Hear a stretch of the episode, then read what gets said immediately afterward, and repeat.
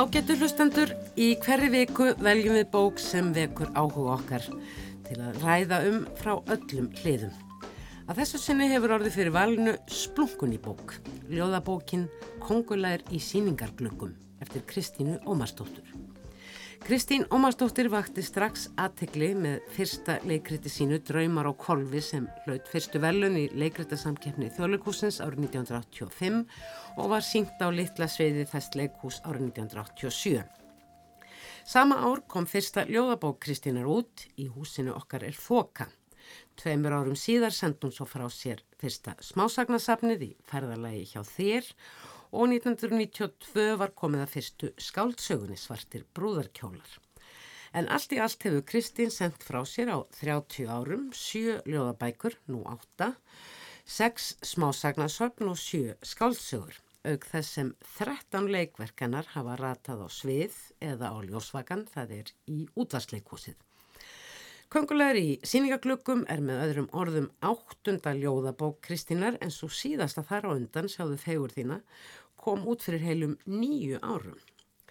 Kristín er uppáttækja samt skáld sem í tekstum sínum smegir sér auðveldlega á milli vita, hins eiginlega og hins óeiginlega, hins raunverulega og hins ofur eða jafnvel undir raunverulega.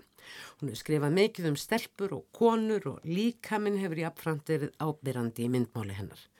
Hún dvelur gerðnan við einstaka þætti í þeim aðstæðum sem hún lýsir eða fjallar um en kannski alls ekki þá þætti sem lesandi með sterk tengslið raunveruleikan væntir.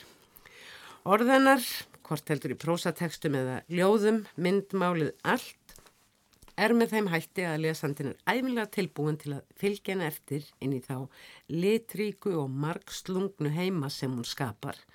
Það er að segja ef hann er á annaborð tilbúin. Ljóðabókin Kongulegri síningaglöggum er að þessu leiti jafnvel svo litið frábröðum fyrir bókun Kristínar. Vegna þess að sá ljóðheimur sem hún dregur upp í bókinni stekkur í raun bengt út úr núinu hérna sem hún skoðar gömgefilega, engum yfirborðið um leið og ljóðin sökva sér líka undir þetta yfirborð, þessa sínd og auðlýsingamennsku valdið og fórnalum þess.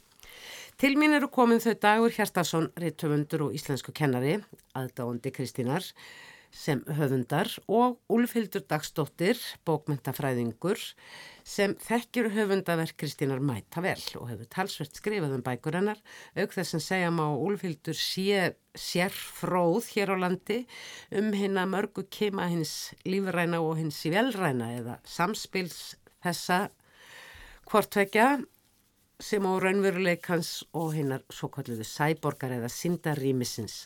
En Kristín tengist með sínum hætti öllu þessu. Þetta gætu því orðið spennandi samræður um spennandi bók. Hjartanlega velkomin Úlfildur og Dagur. Eigum við að renna okkur bara í fyrsta ljóð bókarinnar, upphafsljóðið. Kongulóar söng, svona til þess að setja okkur í gýrin. Kongulóa söngur Í minnistjúpu, völundarhúsi, ofan á gröf kongulóa sem fremdu sjálfsmorð á leiðminni hingað syng ég. Fánar hanga á loftinu, eitraðu þvottur, þreyttir peningaseðlar, bananar fyrir krabba með sjúka, speklar bráðuna. Ég faldi mig, taldi upp á tíu, ekkert fannst. Ég svaf á gattavýr og mér dreymdi fagurgala og fuggla, ekkert fannst. Ég svaf á gattavýr og mér dreymdi gattavýr, ekkert fannst. Mér dreymdi skinn. Ég fylgdi knækt á borði sem smurðum leggjum gekk við staf og síðan gekk ég smurðum leggjum við staf og söng með ljóðin krossaumuð í tunguna undir kór stjarnar sem hrundu niður af himnum er síningastjórin þristi á nappin, fingurinn úr gulli. Bókin byrja reyndar ekki alveg á þessu ljóði því að á undan fara þrjár línur svona á sörblæði bókarinnar og það er hljóða svona skiptumst á augum, fáðu mér eiruðinn, má ég syngja með, tungu þinni og röttu drögun tjaldið fyrir á meðan við skiptumst á líkumum. Og þarna finnst mér eins og Kristín svona svolítið bjóði mér inn í gamal kunnan heim. En svo kemur þetta ljóð og ég segi bara, já, hvernig varði ykkur við þessa byrjun og hvernig fannst ykkur hún rýma við áframhaldið? Já, Dagur, byrjað þú. Ég, einhvern veginn, er búin að pæla alltaf mikið eins og fyrstu línum. Ég botnaði ekki alveg, ég svona, vissi ekki alveg hvernig ég ætti að fara að þeim en nú finnst mér eins og hún sé, ég myndi að bjóða mér sem lesandan um að, að sko, við þurfum að saminast í þessu. Við þurfum að skinja þetta saman sem eru þetta, e, bara það sem að ljóðlist er. Hún er það sem, e, hún er e, sko samverknaður lesanda og og ljóðskáld og, og það eru þetta það sem að þessi bók hún krefst mikils af lesandunum því að þetta er þetta er hörku bók og hérna þannig að þessar fyrstu þrjár línur ég einhvern veginn skilar akkurat á þessu augnabliki þannig að það er e, þetta er þessi bók hún skorar á mig að fara með mér í gegnum þetta og ég gerði það, núna er ég búin að gera það síðustu vikun og ég sé ekki eftir því að tekja þeirri áskoran Hólfildur sem að hefur nú átt langar stundir og, og vikur og mánuði í skriftum og, og, og lestri með Kristín Ómarsdóttur. Já. Um, er þetta ömuleg bók? Þetta er ömuleg bók. Það er bara, það er náttúrulega enda Kristín náttúrulega alveg vonlaus rittvöndur.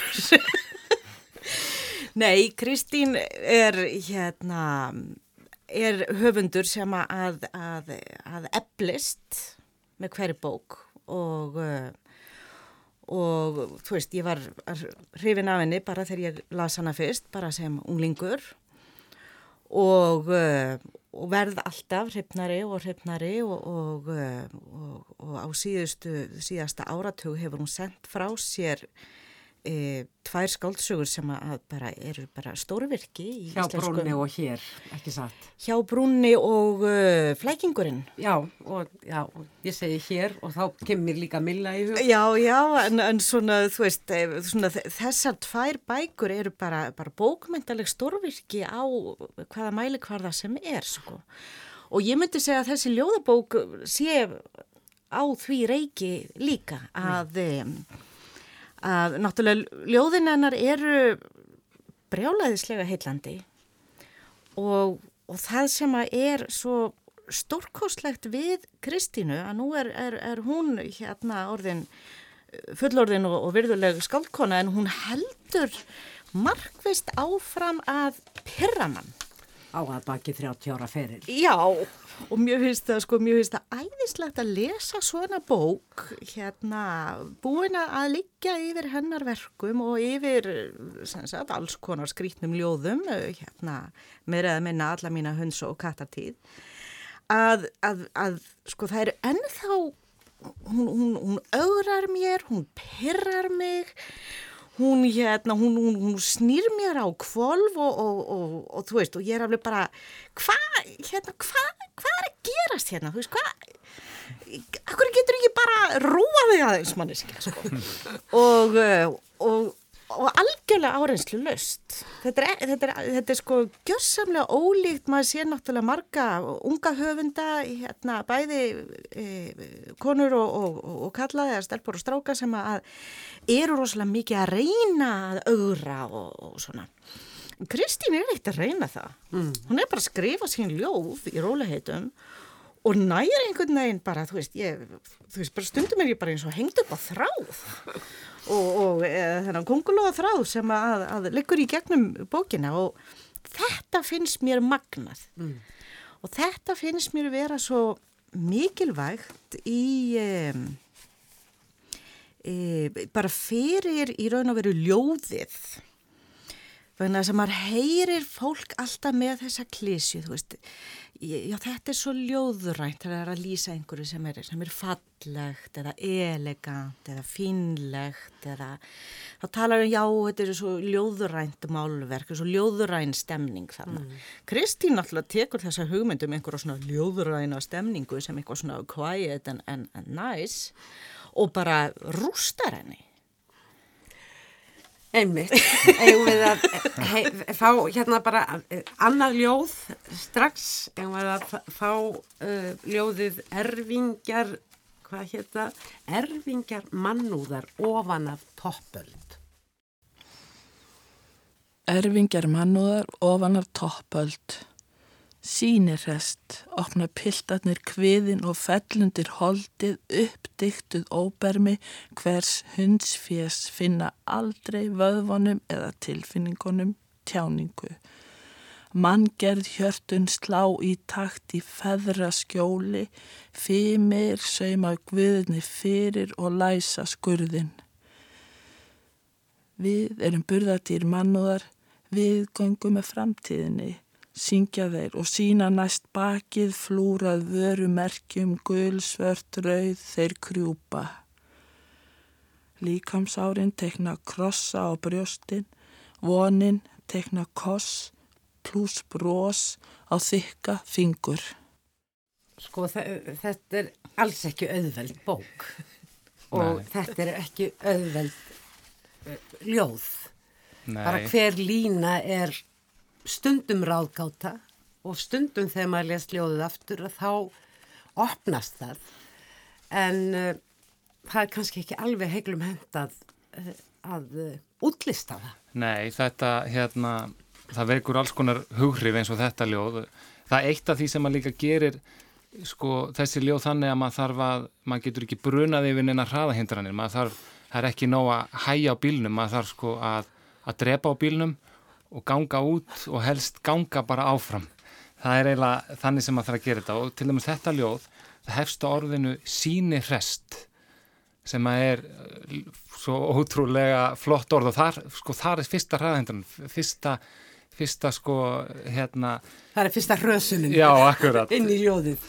og þannig að maður þarf einhvern veginn alltaf að, að vera með opinn huga og, og sko alltaf á varbergi gagvert Kristjánu sko, hún getur alltaf komið aftan á manni og þetta ljóð er eitt af þeim sem að hérna einhvern veginn á að gera það sem að uh, ljóð geta gert er að þjáð einmitt eins og Úlfildur segir ekki endilega eitthvað fegur heldur eitthvað hræðilegt og sem að við getum ekki orðað uh, út frá uh, sko með tölfræði eða með rökhyggju heldur við getum orðað þessar tilfinningar í ljóðlist. Og hérna er verið að fjalla um sýnir þessu piltana sem að finna aldrei vöðvonum eða tilfinningum tjáningu og það er verið að fjalla um manngerð hjörtu sem slá í takt í feðraskjóli og það er verið að fjalla um uh, menn sem að syngja við erum burðardýr mannúðar, við göngum með framtíðinni og þessir menn eru með bakið flúrað vörumerkjum.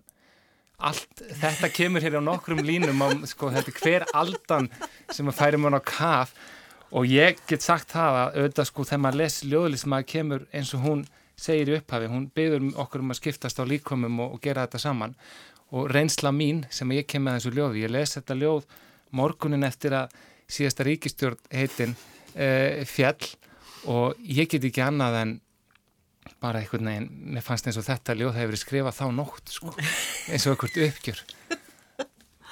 Þetta er, er rosalega kveðskapur Já, það er einmitt sko, það er einmitt þetta hérna sem að, að Dagur segir sko að hérna að bæði náttúrulega eru ljóðin ekki, ekki auðveld og, og, og, og þó þau séu sko ægifögur að þá er þetta, þá er þetta þessi ægifögur sem að er, er, er ók líka. Já, sem er andstæða sko þess sem að er finlegt og, og, og, og svona snoppufrýtt sko. Og Kristín er alltaf grimm, það er alltaf grimmt og það er strax grimmt bara einmitt í þessum fyrstu línum vegna þess að gegnum gangandi í ljóð Kristínar eru svona mjög undarlegu leikur með líkamsparta. Þannig að þegar hún segir skiptumst á augum, fáðu mér eyru þín, má ég syngja með tungu þinni og röddu, drögum tjaldi fyrir á meðan við skiptumst á líkumum, þá les ég það mjög bókstaflega. Vegna þess að viða í sín, sínum, bæði í þessari bók og öðrum, að þá, þá byrtist svona ímiskona líkamleg grimd sem, sem að, að er stundum mjög bara fínleg eins og í, í, í snertingu en mjög yðurlega sem sagt óhugnanleg og, og, og dúkkuhúsljóði til dæmis litirnir í dúkkuhúsinu er, er, er gott dæmi um svona þú veist þetta byrjar allt saman og huggulega gólfið er ljósgrænt, veggirnir úr álpappír, sófinn bleikur svo kemur tunga mín er græn og augum mín hólur ókunnug mannvera leiðir mig út úr herbyrginu og þá er maður bara allt í hennu bara, þú veist, komin á einhvern svona stað. Óhugnaðar það sem að bara skapast verulega óþægileg tilfinning. Einmitt. Þetta, ég merti líka við þetta ljóð sko út af því að einmitt litirnir í dúkkuhúsinu mínu, hún sko, þetta er nú bara nasti hjá henni sko, hvernig hún róta mann í þessu ljóði því að í lokin sko þá kemur ekki bara ókunnu manneski heldur mannvera Já, sem er svo fjarlægt, það er Já. þessi geimvera, þú veist, það er þetta er alveg ríkalegt Já, þetta stutta ljóð. Já, og þetta er, þetta er svo sem að vil skipta skipta Skipta við mannu um, um augu og, og líkama sko. Um, Kristín sagði í viðtali að þetta væri ekki sérlega persónuleg bók. Og ég er út af fyrir sig sammála því uh, þó að séu þarna kaplar eins og er ekki annar kapli sem eru dag, dagbókabrót það er, að, hún segir reyndar að það sé einna persónulegasti kaplin og það eru nokkur ljóð þar sem að ljóðmælandi gengur fram sem ég þó þú getur náttúrulega aldrei gengið út frá því að ég sem ljóðmælandi sé endilega höfundurinn en einhvern veginn uh, þegar maður nærði þannig. En hún sagði líki þessu viðtali að þetta væri uh, bók uh, sem hefði vaksið fram úr núin eins og ég sagði reyndar líka í upphafi og hún listi því með eftirfarandi hætti. Skulum heyra hvað hún sagði. Þetta er ekki með eiginlega persónlegum ljóðum, þessi bók. Það er mjög frá í algjörlega- ég til dæmis. Já, þetta eru ljóð sem ég, ég er, er að búa til heim, heim í þessum ljóðum sem er bara einhvern veginn sjálfstæður, svona sem sitt í einhvern veginn úr ljóðum. Og úr því, og hann er náttúrulega búin til og er öllum brotanum sem ég lesa hvernig degi og er að hlusta og heyra og sjá og skinja og fannir bæ og heyra og sjá og veðrið og, og net, Fólkið og- internetið og... allt þetta. Og, og hún er samtíma, ég er að skrifa ég, þessi ljóð úr samtímanum, einhvern veginn þannig. Og þetta eru bara 2015 og 16 og 17. Eða, það eru auðlýsingar og tilkynningar í bókinni af því að hún er náttúrulega herma eftir heiminum. Mér finnst þetta alveg ó, með pólitískustu bókum uh, Kristínar. Jafnvel þótt ég uh, viðkenni fúslega að, að bara stílennar og öll framganga og hvernig hún fer með bæði tungumálið og, og, og einstök hugtök og til, tilvistina að það er pólitíst í eðli sínu. En þetta er svo pólitíst eins og hún segir bara út úr núinu. Já, Ekki sammála. Jú, jú, e, þetta er heiklaust pólitísk bók en ég myndi ekki endilega segja að þetta væri hennar pólitískasta. E, sko, hún byrjar í raun og veru að vinna með e, pólitík og það sem hún kallar boðskap í skáldsögunni hér frá 2004 og það bara sagði hún í viðtali að hún hefði alltaf verið hrætt við hugmyndur um boðskap en svo hefði hún bara ákveði að hætta að vera hrætt við slíkt. En er bóðskapur í þessari bók? kannski, uh, sko, ég hugsa að hún noti boðskap svona eins og, og, og við notum orðið ádeila. Já, eða skilabóð í forðri merkingu. Já, að því að sko síðan er hjá brúnni er sko algjörlega mögnuð úttækt á gróðærinu og kreppunni og þætti listar í því með síðan blöndu af öllu eins og æfilega er í, í bókum Kristínar að það er ekkert leðum að maður er búin að ná handfangi og eitt að, að, að þá byrtast tíu í staðin og maður er alveg bara, þú veist, já, býta nú við. Og síðan náttúrulega flækingurinn. Jú, jú. það sem að hún segir beinlinnis að helsti glæpurinn sé hérna eignarétturinn og, uh, og svo hugsun gengur það aldrei mikið aftur í þessari bók eins og einmitt í þessu ljóði með hérna sem þeir eru með vörumer, vörumerkin á bakinu og, og, uh, og allt þetta. Og um, þannig að, já, hygglust, mjög pólitíst verk. Ég myndi, ég, þetta er mjög politíst verk og það, mér finnst það, eins og ég var að lýsa á þann, sko, mér, mér finnst það tala mjög mikið inn í þetta nú og það er til dæmis hérna aftalega í bókina, blansið 68, er ljóð sem heitir Bóðhlaup sem að mér finnst eitt af magnari ljóðum í bókinu og bara ljóð sem ætti að prenta bara.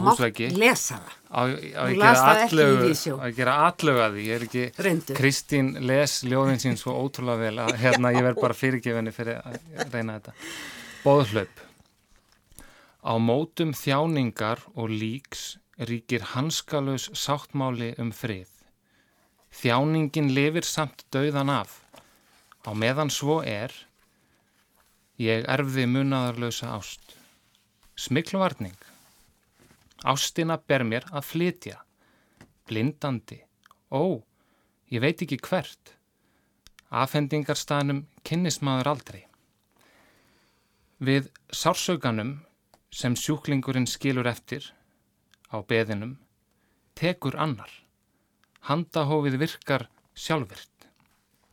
Þjáning er á ábyrð mannkins. Baki þess hlýtur að vera breytt. Þjáning hverfur ekki við aftöku. Þjáning hverfur ekki við afskiptaleysi. Óp frá hafi leitar skjóls í öðru koki, á landi, handahófið sjálfvirt.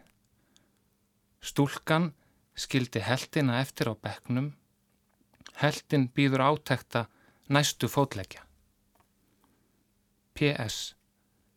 Þjáning virkar, skástrygg ekki, þjáning fellur, aldrei úr gildi. Já, ég var búin að uh, sjá uh, þetta ljóð líka uh, og taka það niður í, í undirbúning minn undir þennan þátt. Þannig erum við náttúrulega með óp frá hafi, leitar skjóls í öðru koki á landi og þetta náttúrulega þetta, það koma allir flottamennir og allt það maður út af því að við lesum þessa bók núna, 2017. Og, En um leiðir þetta, sko þetta bóðhlaup, það er náttúrulega bara hringrás. já, Já, já. einmitt. En þetta líka þjáning hverfur ekki við afskiptaleysi sem að er uh, svo einföld og, og flott lína og þetta er, já, þetta er mjög sterk afstafa í þessari bók. Já, og þetta er hennar hæfileiki og þess vegna sko, var ég svo glöð þegar hún fór að leifa sér að vera meira pólitísk, vera með meiri ádeilu eða bóðskap eða hvað sem maður kalla, kalla það. Afstöðu. Vegna, afstöðu, mjög gott orð. Þannig að, að því að hún, hún getur sagt hluti, svona algjörlega beint út eins og hana í flækingnum, nú vann ég ekki tilvetnuna hárun ákvæmt en bara eignarétturinn býr til glæpi mm. af því að síðan sko er hún með þetta óskaplega fallega og, og, og skelvilega grimmúlega og, og erfiða myndmál í kringu það mm. og þannig að þetta verður ekki banalt heldur einmitt textinni að taka svona bara mjög einfalda hluti.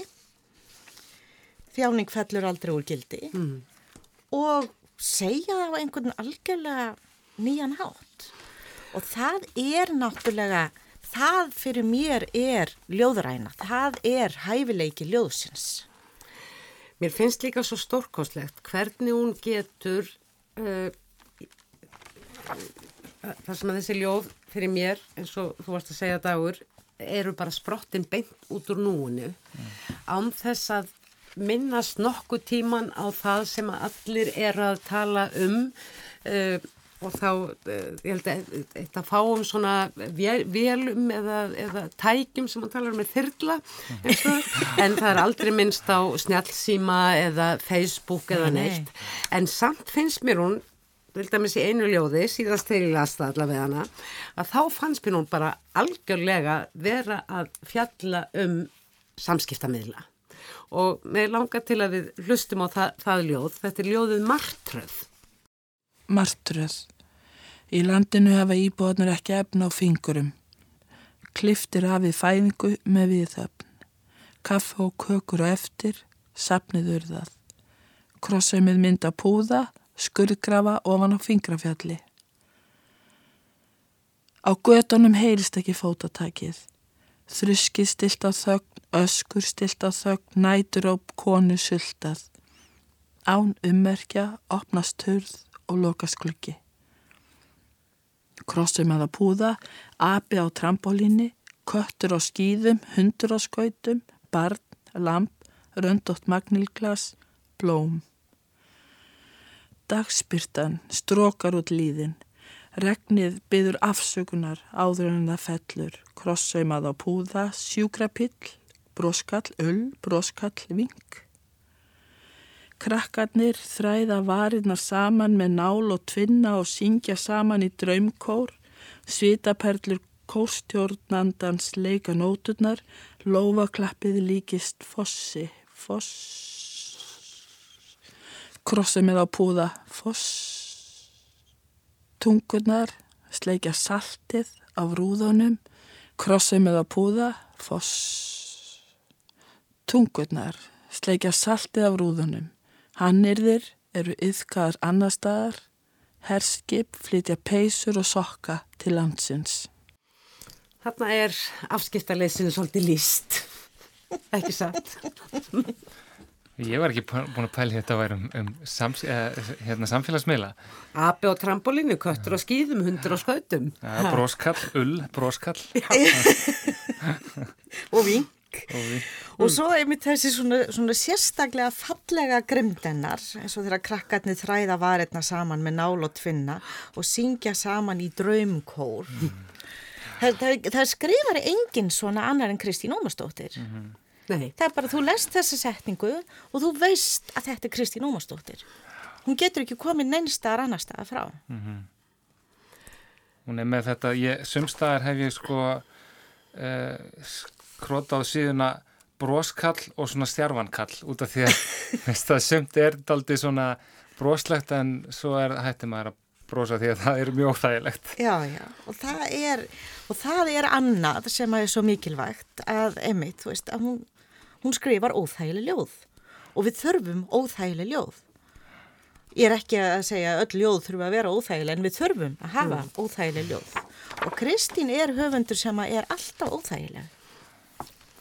en svo er hún leið svo, sko, kangvís eða fyndin í þessum, sko, andstæðu pörun sem hún raðar upp og hvernig hún eh, hnikar alltaf til sjónarhorninu þegar hún er að beina sjónum okkar að einhverju mynd og þeir ekki þangað sem að við alla jafna horfum Nei, alls ekki. aðalatrið framleys. Alls ekki, ég meina, þú veist, eins og þetta bara sem dæmi um, sko, hérna einmitt, húmórin og, og andstæður, þá er hérna ljóðið á bakkanum, ofan í lauginni kasta sporðar meianna sem vatnið gillir og sólinn, röndóttum bolta.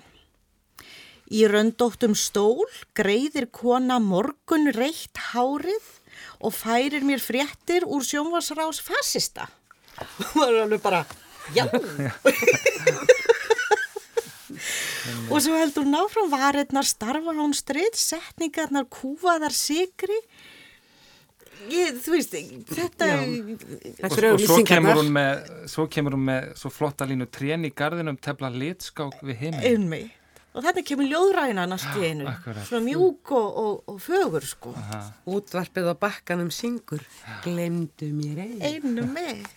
Og í öðru, öðru ljóði þá hlustar fólk á bleik útvörp. Já, akkurat. Svo náttúrulega litirnir. Ég punktaði hjá Já. mér sko liti sem hún er með hérna. Hún er með Superman bláan heiminn og svo er hún með Konguláa bláan og hún er með neyðarlitt snæri, morgunblegt hár, munúðar rauðan sófa, himinbleik tólk, orðbláa tungu, unggrætt sakleysi, morgunbleikir tónar, sóttbjart eldhús.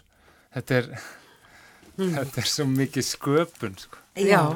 Og síðan sko, einmitt, sko bleikiliturinn er svona gegnum gangandi stef og er, semst, hún leikur sér með semst, hinn hin mörgu tilbreyði bleika litsins, því að bleikur er náttúrulega annars vegar. Ég, ég spurði hann einmitt út í þetta, ég man ekki hvort ég kliftið út úr viðtalinu en eh, blei, bleikur er mikil uppáðast litur hjá Já. þess að ég er ekki bleikur litur eh, í Ísla, í Íslands skálskapar. Já, sem er náttúrulega Kristínar svar. En, en þú veist, náttúrulega bleikur er hérna í íslenskri, svona, gömlu íslensku máli litur fegðarinnar. og, uh, og hann byrtist yðurlega sem slíkur mjög limskulega í öllum þessum, þessum bleiku litbreyðum. Mm, Fögur er hlýðin og bleikir akrar er það ekki, það ekki Jú, jú. Það fór líka illa fyrir honum. Já, það fór illa frá honum. Þannig að, að eins og í eh, hérna í ljóðinu Bekkur að eh, sem að er svona eitt af þessum Við erum hérna komið svolítið í setni hluta bókarinn, þetta er alltaf uh, merkjum, það eru stittir í ljóð. já og það er svona, það er svona í fjórða hlutanum er svona daldið svona tregaljóð mm. og, og það er einmitt svona sér maður, það er feigðin farin að Það eru morgun, morgunbleikir tónar eh, Já. sem kvíta sótt bjart eldhúsið. Já, og sjúkraliðin stígur inn og fellur saman við veggin og, og byrtan færist ekki og sólinn nær aldrei hádegi stað.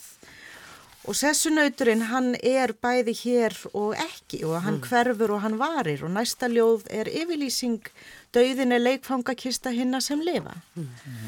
Þannig að, að þú veist, hún, hún, fer svo, hún fer svo fimmlega með þessi blæbreyði.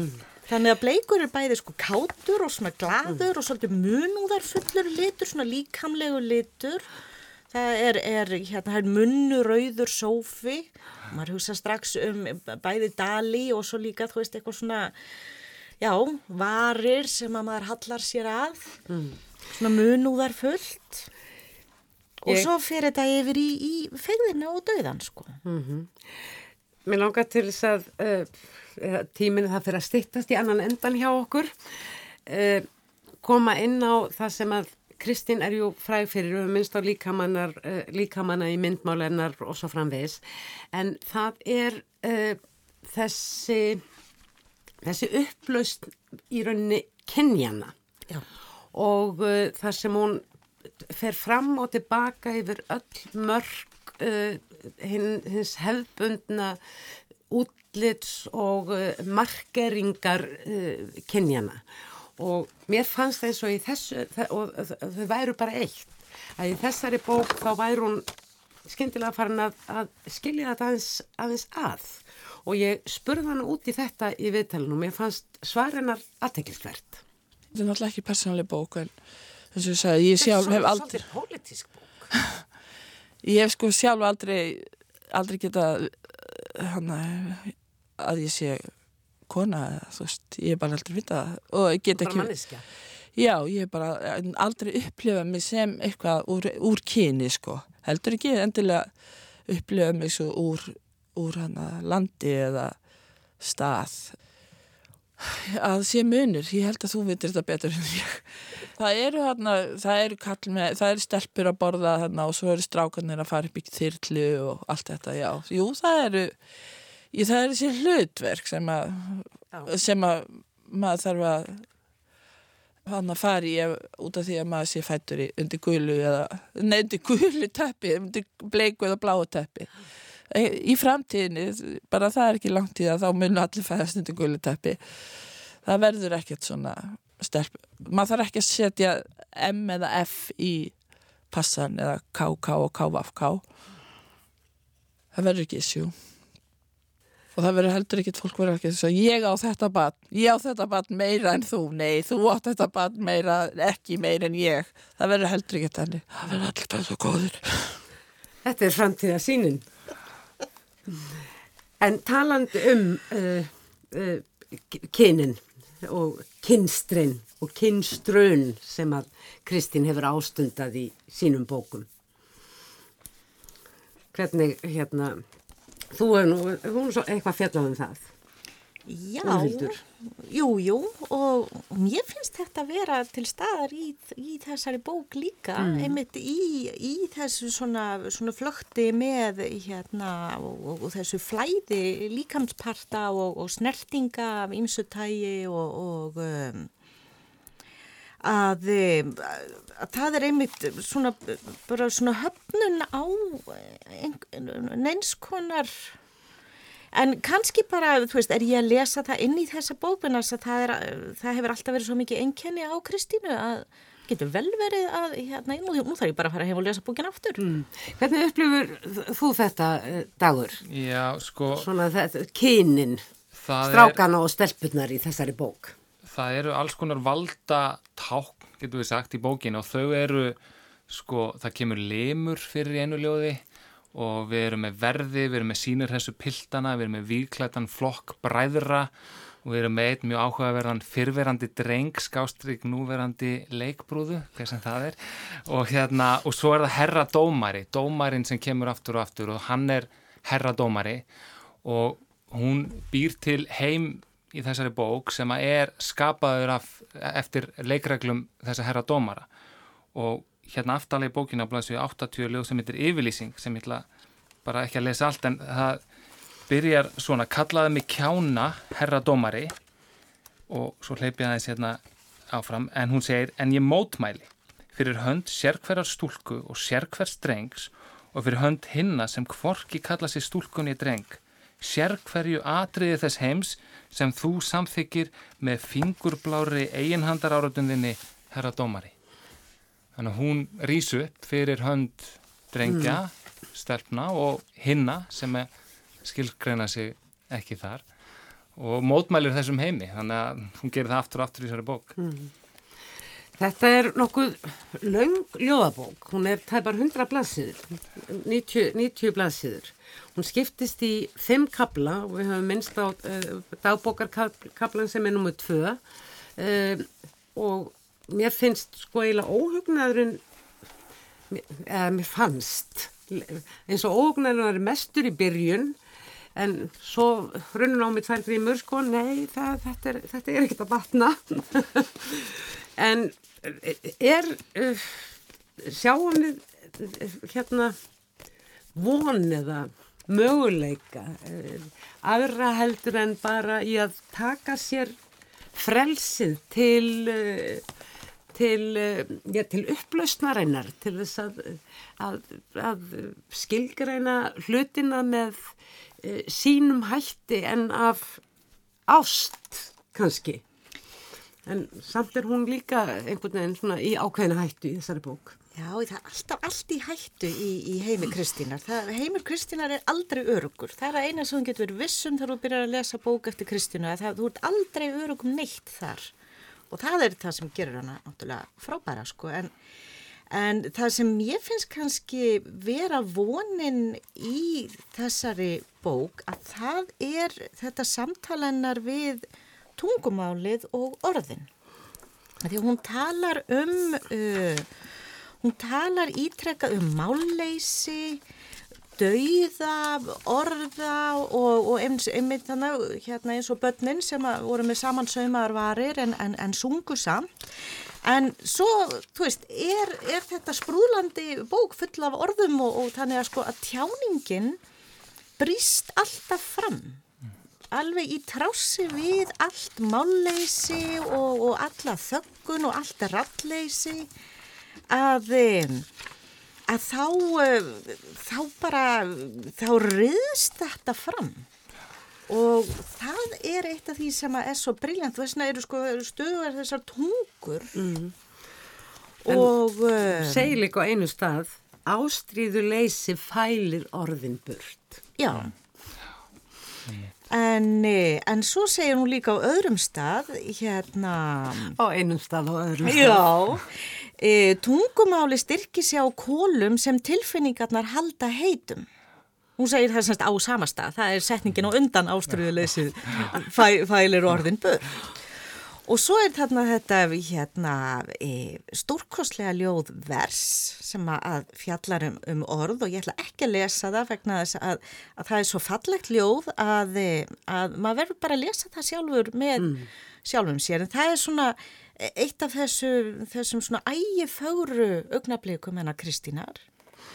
Og svo er annað ljóð sem, ljóð sem heitir Minnisflís og þar, það hefst að því að moldin geymir orð sem ólíkt mér þekkja vitjunartíman og setna að undir lokljóðsins að þá stinga þau sér upp úr jörðinni í þessari bók. Mm.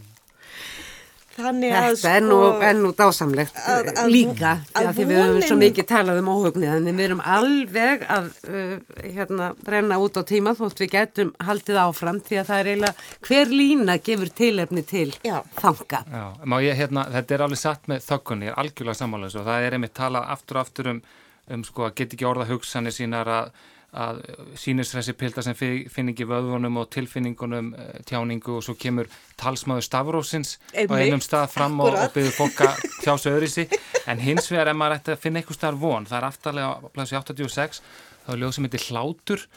Og ég veit ekki, kannski er þetta ekki ákvæmt ljóð, mér finnst þetta eiginlega að vera þarna er vonin, ég ætla bara að renna yfir það. Heiminin opnar munnin og gleipir skí skí, skí, skí ó, heiminin er sannlega svangur og hlær millir bytta tannlust.